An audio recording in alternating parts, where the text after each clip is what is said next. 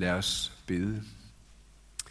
Himmelske Far, vi takker dig for påskedag, for budskabet om Jesu Kristi opstandelse fra de døde til sejr og liv for os. Tak, at du gav ham som offer til vor forløsning. Tak, at du rejste ham fra graven til nyt liv og retfærdighed for os. Ja, Jesus, vi beder dig, at du nu vil åbne troens øjne hos hver af os, så vi ser dig som vores opstandende Herre og lever som opstandelsesvidner. Vi beder for de små i vores kirkefamilie, benær hos dem til børnekirke nu og giv dem en velsignet stund der, en glad tro på dig, at du lever og er herre i deres liv. Ja, hellig far, hellig du os i din sandhed. Dit ord er sandhed. Amen. Lad os rejse os, og så vil vi lytte til påskeevangeliet, som evangelisten Markus skriver det. Da sabbaten var forbi, købte Maria Magdalene, Maria, Jakobs mor og Salome vellugtende salver for at gå ud og salve ham. Meget tidligere om morgenen, den første dag i ugen, kommer de til graven, da solen var stået op. Og de sagde til hinanden, hvem skal vi få til at vælte stenen fra indgangen til graven? Men da de så derhen, opdagede de, at stenen var væltet fra, for den var meget stor. Og da de kom ind i graven, så de en ung mand i hvide klæder sidde i den højre side, og de blev forfærdet. Men han sagde til dem, vær ikke forfærdet. I søger efter Jesus fra Nazareth, den korsfæstede. Han er opstået. Han er ikke her. Se, der er stedet, hvor de lagde ham. Men gå hen og sig til hans disciple og til Peter, at han går i forvejen for jer til Galilea. Der skal I se ham, som han har sagt jer det. Og de gik ud og flygtede fra graven, for de var rystet og ude af sig selv, og de sagde ikke noget til nogen, for de var bange. Amen.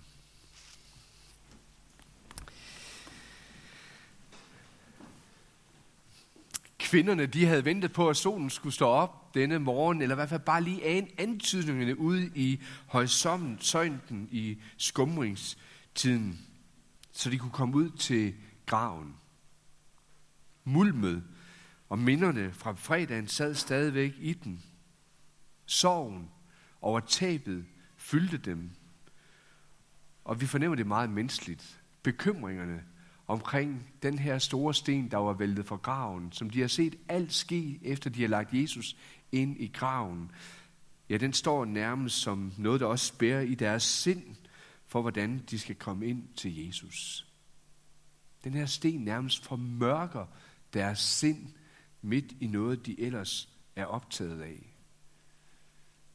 Men nærmest hurtigere end solen står op over Jerusalem den her dag, der kommer der lys ind i deres sind. For da de kommer ud til graven, så ser de, at sten den allerede er væltet bort. Der er heller ikke nogen vagter omkring, som forhindrer dem i at komme ind til graven. Kvinderne de kommer til deres gode ven. Jesus er kommet ned af korset i alt hast langfredag, inden sabbaten skulle gå i gang. Og som man plejer at gøre det ved en god ven, så kommer man og, og salver med gode salve. Her også nogle kostbare salver har de med, for at vise den største og sidste kærlighedserklæring, de kan give til deres ven Jesus. Men egentlig ikke kun det. Det er salve en død, er faktisk også et udtryk for, at man regner med, at vedkommende skal opstå igen på den yderste dag. Hvad de især bliver overrasket over den her dag er, at det er allerede sket. Så nok har de opstandelseshåbet for øje en gang, men ikke nu. De kommer så til graven for at finde en død. Da Jesus han var i graven tre dage, og jeg ved godt, når vi tæller, så jeg har hørt nogen prøve at lave en masse udregning på, hvordan det egentlig hænger sammen, men det handler bare om, at den første og sidste dag tælles med, så fredag, lørdag, søndag, 1, 2, 3.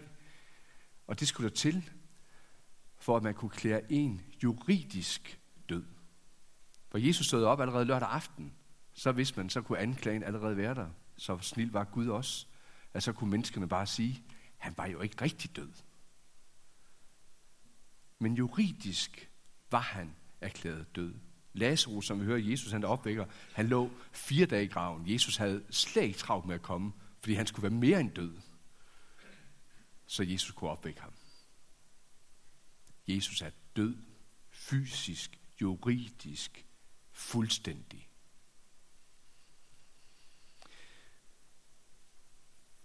Kvinderne de havde som sagt håbet på at kunne få adgang. Måske at soldaterne havde fået befaling om, at når de her kvinder kom, måtte de komme ind til graven.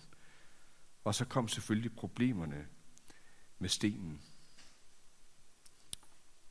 Jeg husker, at jeg var yngre, der tænkte jeg nogle gange, når jeg så billedet af påskedag, og stenen der var væltet væk fra graven, så kunne jeg i min barnlige naivitet tænke, hvor var det godt, så Jesus han kunne komme ud. Det var egentlig først, da jeg blev lidt ældre, jeg egentlig fandt ud af, at så behøves det faktisk ikke at hænge sammen, for min logik, den kan gå op i det her. Når stenen den er væltet væk fra graven, så er det sådan set ikke sket for Jesus skyld. Jeg tror faktisk, at han allerede var væk fra graven, inden stenen den blev væltet bort. Stenen den blev væltet bort for vores skyld. Så vi kunne komme ind ligesom kvinderne og se, at graven, den er tom. Han er her ikke. Det er nærmest meget stærkt, som Paulus som begynder med i sit øh, brev til romerne, når han siger det sådan, at Jesus blev i kraft af helligheds ånd stadfæstet som Guds søn med magt og vælde, da han blev oprejst af Gud fader fra de døde. Det var derfor, han var ude af graven. Det var derfor, det var tom. Men stenen blev væltet bort for vores skyld. Det, at graven den er tom, ja, det bliver netop det vidnesbyrd, som kvinderne kunne gå med, som apostlene kunne gå med, ja, som kunne bringes ud til alle og os til os, at døden kunne ikke holde Jesus fanget. Ja, det kan ikke bevises, at Jesus er opstået fra de døde. Der er vidnesbyrd om, at graven var tom, og i den forstand bevises. Resten er til troens overbevisning, at det skete sådan, som Jesus havde sagt det. Og så alligevel så bliver kvinderne heller ikke bare lige efterladt der til deres egen tankegang. Der sidder en engel derinde, der konstaterer meget nøgtern. I søger efter Jesus fra Nazareth, den korsfæstede. Ja, det er rigtigt. Det er den samme, vi taler om. Ham, I så, der hang på korset. Ham, I ved med Nicodemus og Josef og Amitæa, der blev lagt i den her grav, som Josef havde udhugget til sig selv. Ja, den samme person, det er ham, vi taler om. Han er her ikke. Han er opstået. Fysisk. Kød og blod. Nu i et læge, der aldrig mere skal dø, og så den forstand forvandlet, men stadigvæk menneske. Ikke noget spøgelse, ikke noget ånd, ikke noget, der skal tydes, ikke noget med en masse ord, men fysisk. Ham, som I kendte, han vil møde jer igen. Og det hører vi en masse beretninger om, hvordan at Jesus han gør det ved flere forskellige anledninger. Der er ikke noget lig. Og allerede dengang var der jo allerede mange rygter i gang. Var det havemanden, der havde fjernet ham? Havde der været gravrøver på spil? Var det disciplene på en eller anden måde, der alligevel har haft held til at flytte ham? Eller hvad var det, der var sket? Det der med bortforklaring er, at Jesus virkelig var opstået for de døde, sådan som han selv sagde, at han skulle gøre det, sådan som apostlen begyndte at bevidne, at det var sket. Det findes der masser af forklaringer på allerede dengang, at som kunne det ikke hænge sammen. Det er ikke noget, vi bare skal finde her i 2013, 14, 15 stykker. Det eksisterede lige siden dag 1. Det kan ikke bevises. Men troens overbevisning kan skære igennem alt det her. For min egen del, ja, så er det faktisk mest i lyset af den tolkning, som Bibelens ord selv giver det. Og var det ikke fordi Jesus var så tydelig omkring det, og når man læser i Bibelen, det var så tydeligt, at når Gud selv går ind og tolker på det, ja, så bliver det bare med den nøgterne konstatering. Jesus er opstået, graven er tom, han lever. Tro det, eller det være påskebudskabet er faktisk ikke ret meget længere. Men hvis du tror det, så har det en uendelig række af værdier og betydninger. Både for dit liv her nu, når du lever det, når du tænker ind i evigheden og hvad der sker, når du dør, når du rammes af sorg og tvivl og mørke i dit liv her nu, så har det budskab vidt rækkende både betydning og dybde, som du kan stå og gå på. Når vi nu møder her siden jul en diskussion om, hvorvidt Jesus virkelig opstod fra de døde, ja, så sker det ikke mindst på grund af, at der er nogle præster og andre kloge hoveder, hvis de så også er det, der giver udtryk for, at det kan man egentlig ikke tro på, fordi det er overnaturligt. Andre de vil gerne tro det, men de vil helst ikke tale for konkret og fysisk om det. Men som sagt, for de første disciplene var der egentlig ikke så meget tvivl. De så, at han gik omkring. De spiste med ham. Giv mig lige en fisk. Jeg elsker den sætning fra Jesus. De øh, drak. De var sammen med ham, sådan som de var det før. Det synes jeg faktisk er vigtigt at lægge mærke til. Nogle gange, da jeg også selv har sådan lidt tankegang på det, at da Jesus opstod fra de døde, så var han så meget mere anderledes, end han egentlig var tidligere. Han kunne gå igennem døre og komme til dem. Som om han nærmest var blevet spøgelsesagtig på den måde. Hvad skete der før Jesus døde på korset? Han kunne gå på vandet. Han kunne være et sted og lige pludselig være et andet sted. Han kunne stille en storm. Altså når jeg tænker på, hvor meget Jesus overnaturligt kunne i kraft af, hvem han var som guddom, så er der faktisk ikke den store forskel på, hvem han er som guddom efter sin opstandelse. Da Jesus opstår for de døde, så skal døden, sygdom, smerte, alt det, som han har kendt med langfredag, aldrig nogensinde få bugt over ham. Og som Paulus siger det i stedet, at han er den første blandt de døde, første grøden, der opstår. Så det siger vel egentlig langt mere om os, når vi den dag bliver ramt af døden og skal opstå, ja, så er vi stadigvæk den samme eksistens for Gud. Vi er lige så menneskelige, vi er lige så fysisk. Ligesom da Gud skabte os først, hvor vi var gode i hans øjne, sådan er det også, når vi skal opstå. Men hvor sygdom, hvor død, hvor smerte ikke længere skal være. Det er den store forvandling, der kommer til at ske ved os i vores opstandelse en gang, en gang sådan som den også var hos Jesus. Så når mennesker i dag de har travlt med at tale det overnaturlige væk, metafysisk med et flot ord, eller det skal tolkes symbol, og at Jesus nærmest bare er et sprog til os, og han kommer til os, blandt andet i nadvånd med ordene, så vi kan sådan male et religiøst billede af ham så har jeg faktisk kun et ord til overs for det. Det er bedrag. Det er at gøre Jesus som Guds søn til en anden, end den han er. Det er at sige alt for lidt om, hvad det betyder, at Jesus er opstået for de døde. Og det er at sige alt, alt for lidt, hvad det giver os af konkret håb og trøst, hvad der skal ske med os i lys og opstandelsens dag, både i vores liv nu og den dag, hvor døden rammer os når vi tror på, at vi har et evigt håb i Jesus Kristus. Påskedag ved Jesu død og opstandelse er langt mere gennemgribende. Og som Paulus siger, han opstod stadfæstet. Jeg elsker det udtryk påskedag. Alt det, Jesus han gjorde i sit liv, alt det, der skete på korset, det var stadigvæk alt, hvad det var.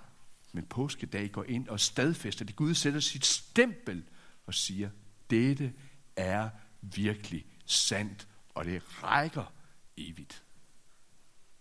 Tro det, eller lad være. Tro det, og du har alt.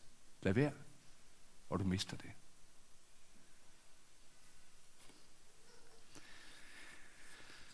Når vi er døbt til at tilhøre Jesus, ja, så er vi faktisk også døbt til at må holde fast i den her virkelighed. Vi er døbt til et levende håb, sådan som det siges, som det første ved vores dåb fra 1. Peters brev, og som det siges til sidst, når vi står ved en grav, at vi er genfødt til et levende håb ved Jesu Kristi opstandelse fra de døde. Opstandelsen bryder alle vores naturlove og gør alle håb til skamme ved at overbyde dem med uendelig meget mere, end vi kan tænke. Og jeg tænker faktisk, at Jesus han har vidst det her. Bare lige et enkelt sted for at sige, det er lidt tydeligt, synes jeg, at Jesus han gør. For eksempel Johannes kapitel 5, hvor han siger det sådan. I skal ikke undre jer over dette. Dermed også sagt, jeg ved, I vil komme til at undre jer. I skal ikke undre jer over dette, for den time kommer, da alle de, der er i gravene, skal høre hans, skal høre min røst og gå ud af den. Men I skal ikke undre jer. Se på, hvad der skete med mig. Jeg går foran jer. Det sker også med jer, når I er hos mig. Det er det, vi har håb på, når vi også senere ved gudstjenesten, som vi plejer at gøre det ved en gudstjeneste, bekender troen på kødets opstandelse. Ikke bare det er også i alt det, vi står med her, men det, vi er forvandlet i Kristus. Det tror vi på.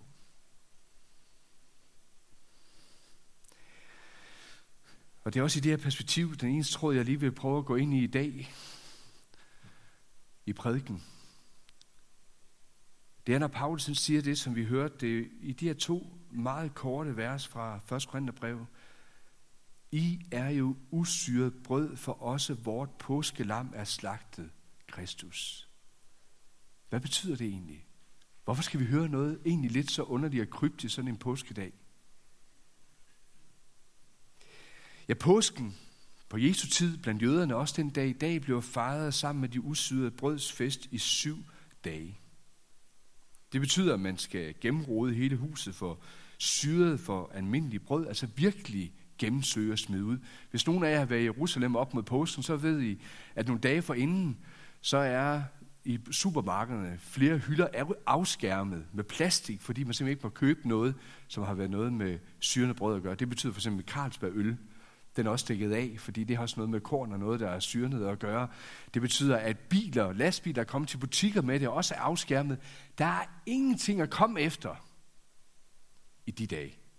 Man ser, ikke mindst de ortodoxe jøder, søge hele huset igennem, komme ud med poser med brød og hvad det ellers er, så står de og brænder af deres brød ude på gaden. For alt skal renses. Det passer meget godt her om foråret med en helt stor forårsrengøring. Så to fluer med et smæk, men den blev virkelig renset ud.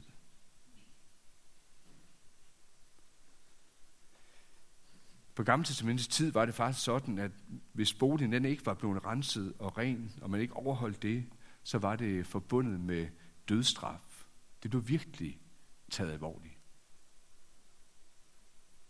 Når man fejrer de usyrede brøds fest, så er det til minde om, at da Gud han frelste folket fra fangenskabet i Ægypten, skete det i alt hast, at han gik forbi dem med lammets blod, noget af det vi hørte om tidligere på ugen, med Pesach, med påske.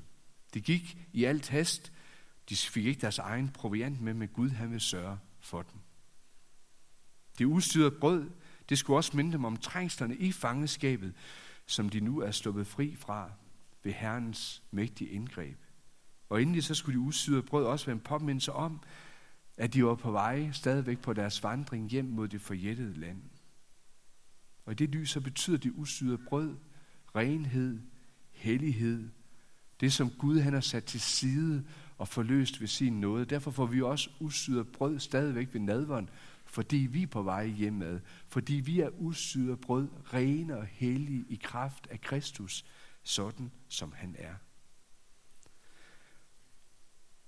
Og når vi nu hører den her tekst fra Paulus netop i dag, så er det for at understrege, at det at være usyret brød, det er ikke bare lige noget, der skal gælde sådan en uges tid her ved påskefesten. Denne påsketilstand, den er efter Jesu død opstandelse vedvarende. Den er permanent for os. Jesus han er slagtet som påskelammet, som offerlammer som det endegyldige offer. Også vores påskelam er slagtet. Kristus. Hans blod, det giver frihed og frelse. Hans død og opstandelse har besejret syndens og dødens og djævelens magt. Alt er underlagt ham. Det er din virkelighed, når du døbt og tilhører Jesus. Alt er underlagt ham. Og derfor kan Paulus også sige til dem i Korinth, som han kan sige det til os, der er i den tilstand. I er usyret brød. Det betyder, at du er sat fri. Af Guds nåde er du sat til side for at være noget særligt. Gud vil sørge for dig. Du er en Gud benådet sønder, der er erklæret fuldstændig ren og retfærdig i Guds øjne. Du er gjort ren. Der er ikke noget at komme efter. Der er ingen brødkrumme tilbage. Når Gud han ser på dig, så ser han direkte på dig. Og så ser han ingen synd. Han ser ingen urenhed. Han ser ingen uretfærdighed.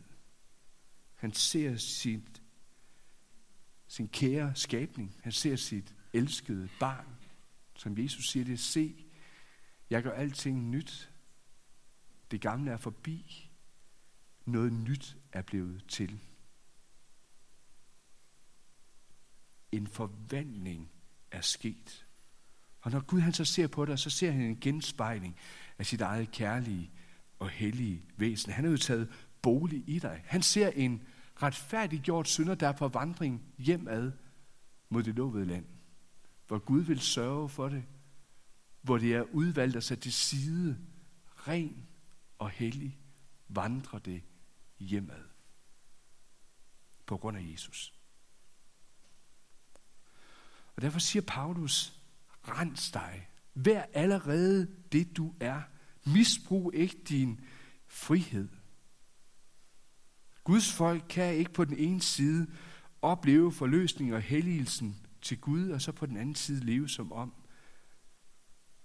at det ikke er helliget. Og du kan, og du må ikke gå på kompromis her. Du er jo allerede ren og retfærdig, så lev sådan. Når du på en dag som denne proklamerer påsken, og så næste dag går ud og lever som om, nå ja, jeg går tilbage til mit eget liv igen. Til at undskylde mit liv, min fejltagelse, fordi jeg ikke lever så perfekt, som jeg gerne vil. Det er der jo ikke nogen af os, der gør. Så kommer Gud til dig, og så siger han, sådan skal du ikke blive ved med at fejre påske, min ven.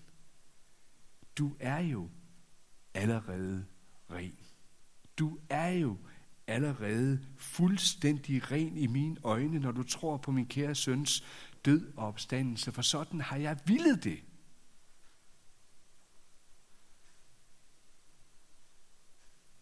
Det er måske netop her, at Guds kærlighed er størst i lyset af påsken, når han kommer og taler til os hver dag og siger, ændre ikke på dit liv og ændre ikke på mit ord, når jeg også kommer og taler til dig og siger, at synd stadigvæk er synd, at urenhed stadigvæk er urenhed. Misundelse er misundelse, bagtagelse er bagtagelse, utugtige tanker er utugtige tanker og handlinger. Ulydighed er ulydighed, egoisme er egoisme. Kold kærlighed mod næsten er kold kærlighed mod næsten. Materiel eller åndelig afgudstyrkelse er materiel eller åndelig afgudstyrkelse. Og det, der kan ske, hvis du ikke bliver ved med at sige det, og siger til dig selv, jeg er ren, når jeg er hos Jesus, og jeg lever det liv, det er derfor, jeg kommer til ham. Ja, så begynder du at tage noget af den her gamle sure dej og blande ind i den dej, som du egentlig allerede er usyret. Og så ved vi godt, hvad der sker, at når det syrnede dej kommer ind i det usyrede, så begynder det at sprede sig meget hurtigt. Det vinder plads. Det tager flere kræfter og det fjerner den renhed, der er i det usyrede brød. Skal du blive ved med at fejre permanent påskefest? Så inviterer Gud dig til på den ene side at holde fast i proklamationen af, hvem Kristus er, hvem han er for dig, hvad det betyder, at jeg er ren og retfærdig i Guds øjne. Og på den anden side, når jeg bliver konfronteret med den virkelighed, som vil ødelægge det, jeg er, at jeg så renser ud. Rens dig. Bliv ren. Vær det, du er. Fordi det er egentlig sådan, Gud han ser på dig. Der er engang en, der har sagt det sådan. En kristen gør ikke synd. Han lider under synd. Da jeg hørte det eller læste det første gang, der tænkte jeg, kan man egentlig godt sige det? Kan jeg sige ind over mit eget liv, jeg gør ikke synd? Det var jeg egentlig øh, bunden luthers nok til at sige. Det tror jeg ikke, jeg kunne sige. Men da jeg kom til at arbejde videre med netop eftersætning, han lider under synd, så blev det til for mig selv en meget stor hjælp i den kamp, jeg oplever. Jeg ønsker at være det, jeg allerede er i Jesus Kristus. Jeg ønsker faktisk ikke at gøre synd. Og så kender jeg også mit liv. Og det lider jeg faktisk under. Der var mange ting, jeg gerne ville have, at det virkelig ikke var virkeligheden. Eller jeg ikke gjorde det her igen. Eller at jeg ikke fik bedre bukt med det her. Og den kamp, den stopper aldrig. Men jeg ved, at jeg er på vej hjem af. Jeg ved, at jeg hver dag kan komme til Jesus. Jeg ved, at Guds tjeneste er anledning til, at jeg kan lægge alt det fra mig, som vil tage den her magt fra mig, som jeg lider under. Så må jeg høre trøstens ord af en gang. Jeg er død for dig. Jeg er opstået for dig. Det er det liv, du lever. Se på mig, og så ret dine øjne op, og så se, det er det liv, du er i nu. Så kan jeg godt sige, at jeg skal ud og lide lidt mere. Men så må jeg se hen på Jesus. Ja, det er det, jeg er. Rens dig. Vær ren. I er jo usyret brød. For også vort påskelam er slagtet. Kristus. Og når vi nu om lidt skal fejre nadver, så kan jeg med min sanser smage og tro på, at han virkelig forener sig med mig. Han kommer, det usyrede brød, i vinen, hans eget blod, og så blev det ikke tydeligere for mig. Jesus han siger det sådan faktisk den aften, da han indstiftede nadveren. I er allerede rene på grund af det ord, jeg har talt til jer. Bliv i mig, og jeg bliver i jer. Den, der bliver i mig, og jeg i ham, han bærer mig en frugt. Forskilt fra mig kan I intet gøre. Det er påskens vidunderlige og glædelige budskab. Om det skal vi fejre nadver og lade det trænge helt ind i vores sind, og vi må synge tak og jubelsang. Og så vil vi at ud og leve det liv, som Gud han kalder os til i vores hverdag som opstandelsesvidner. Ja, jeg har set Jesus. Grav og tom. Jeg ved, han lever. Jeg har set ham. Han er i mig. Jeg er på vej hjem af. Det er mit liv. Fordi han døde og opstod for mig. Glædelig påske. Lov og tak og evig ære være dig, hvor Gud, Fader, Søn og Helligånd, du som var, er og bliver en sand, treenig Gud, højlået fra første begyndelse, nu og i al evighed. Amen.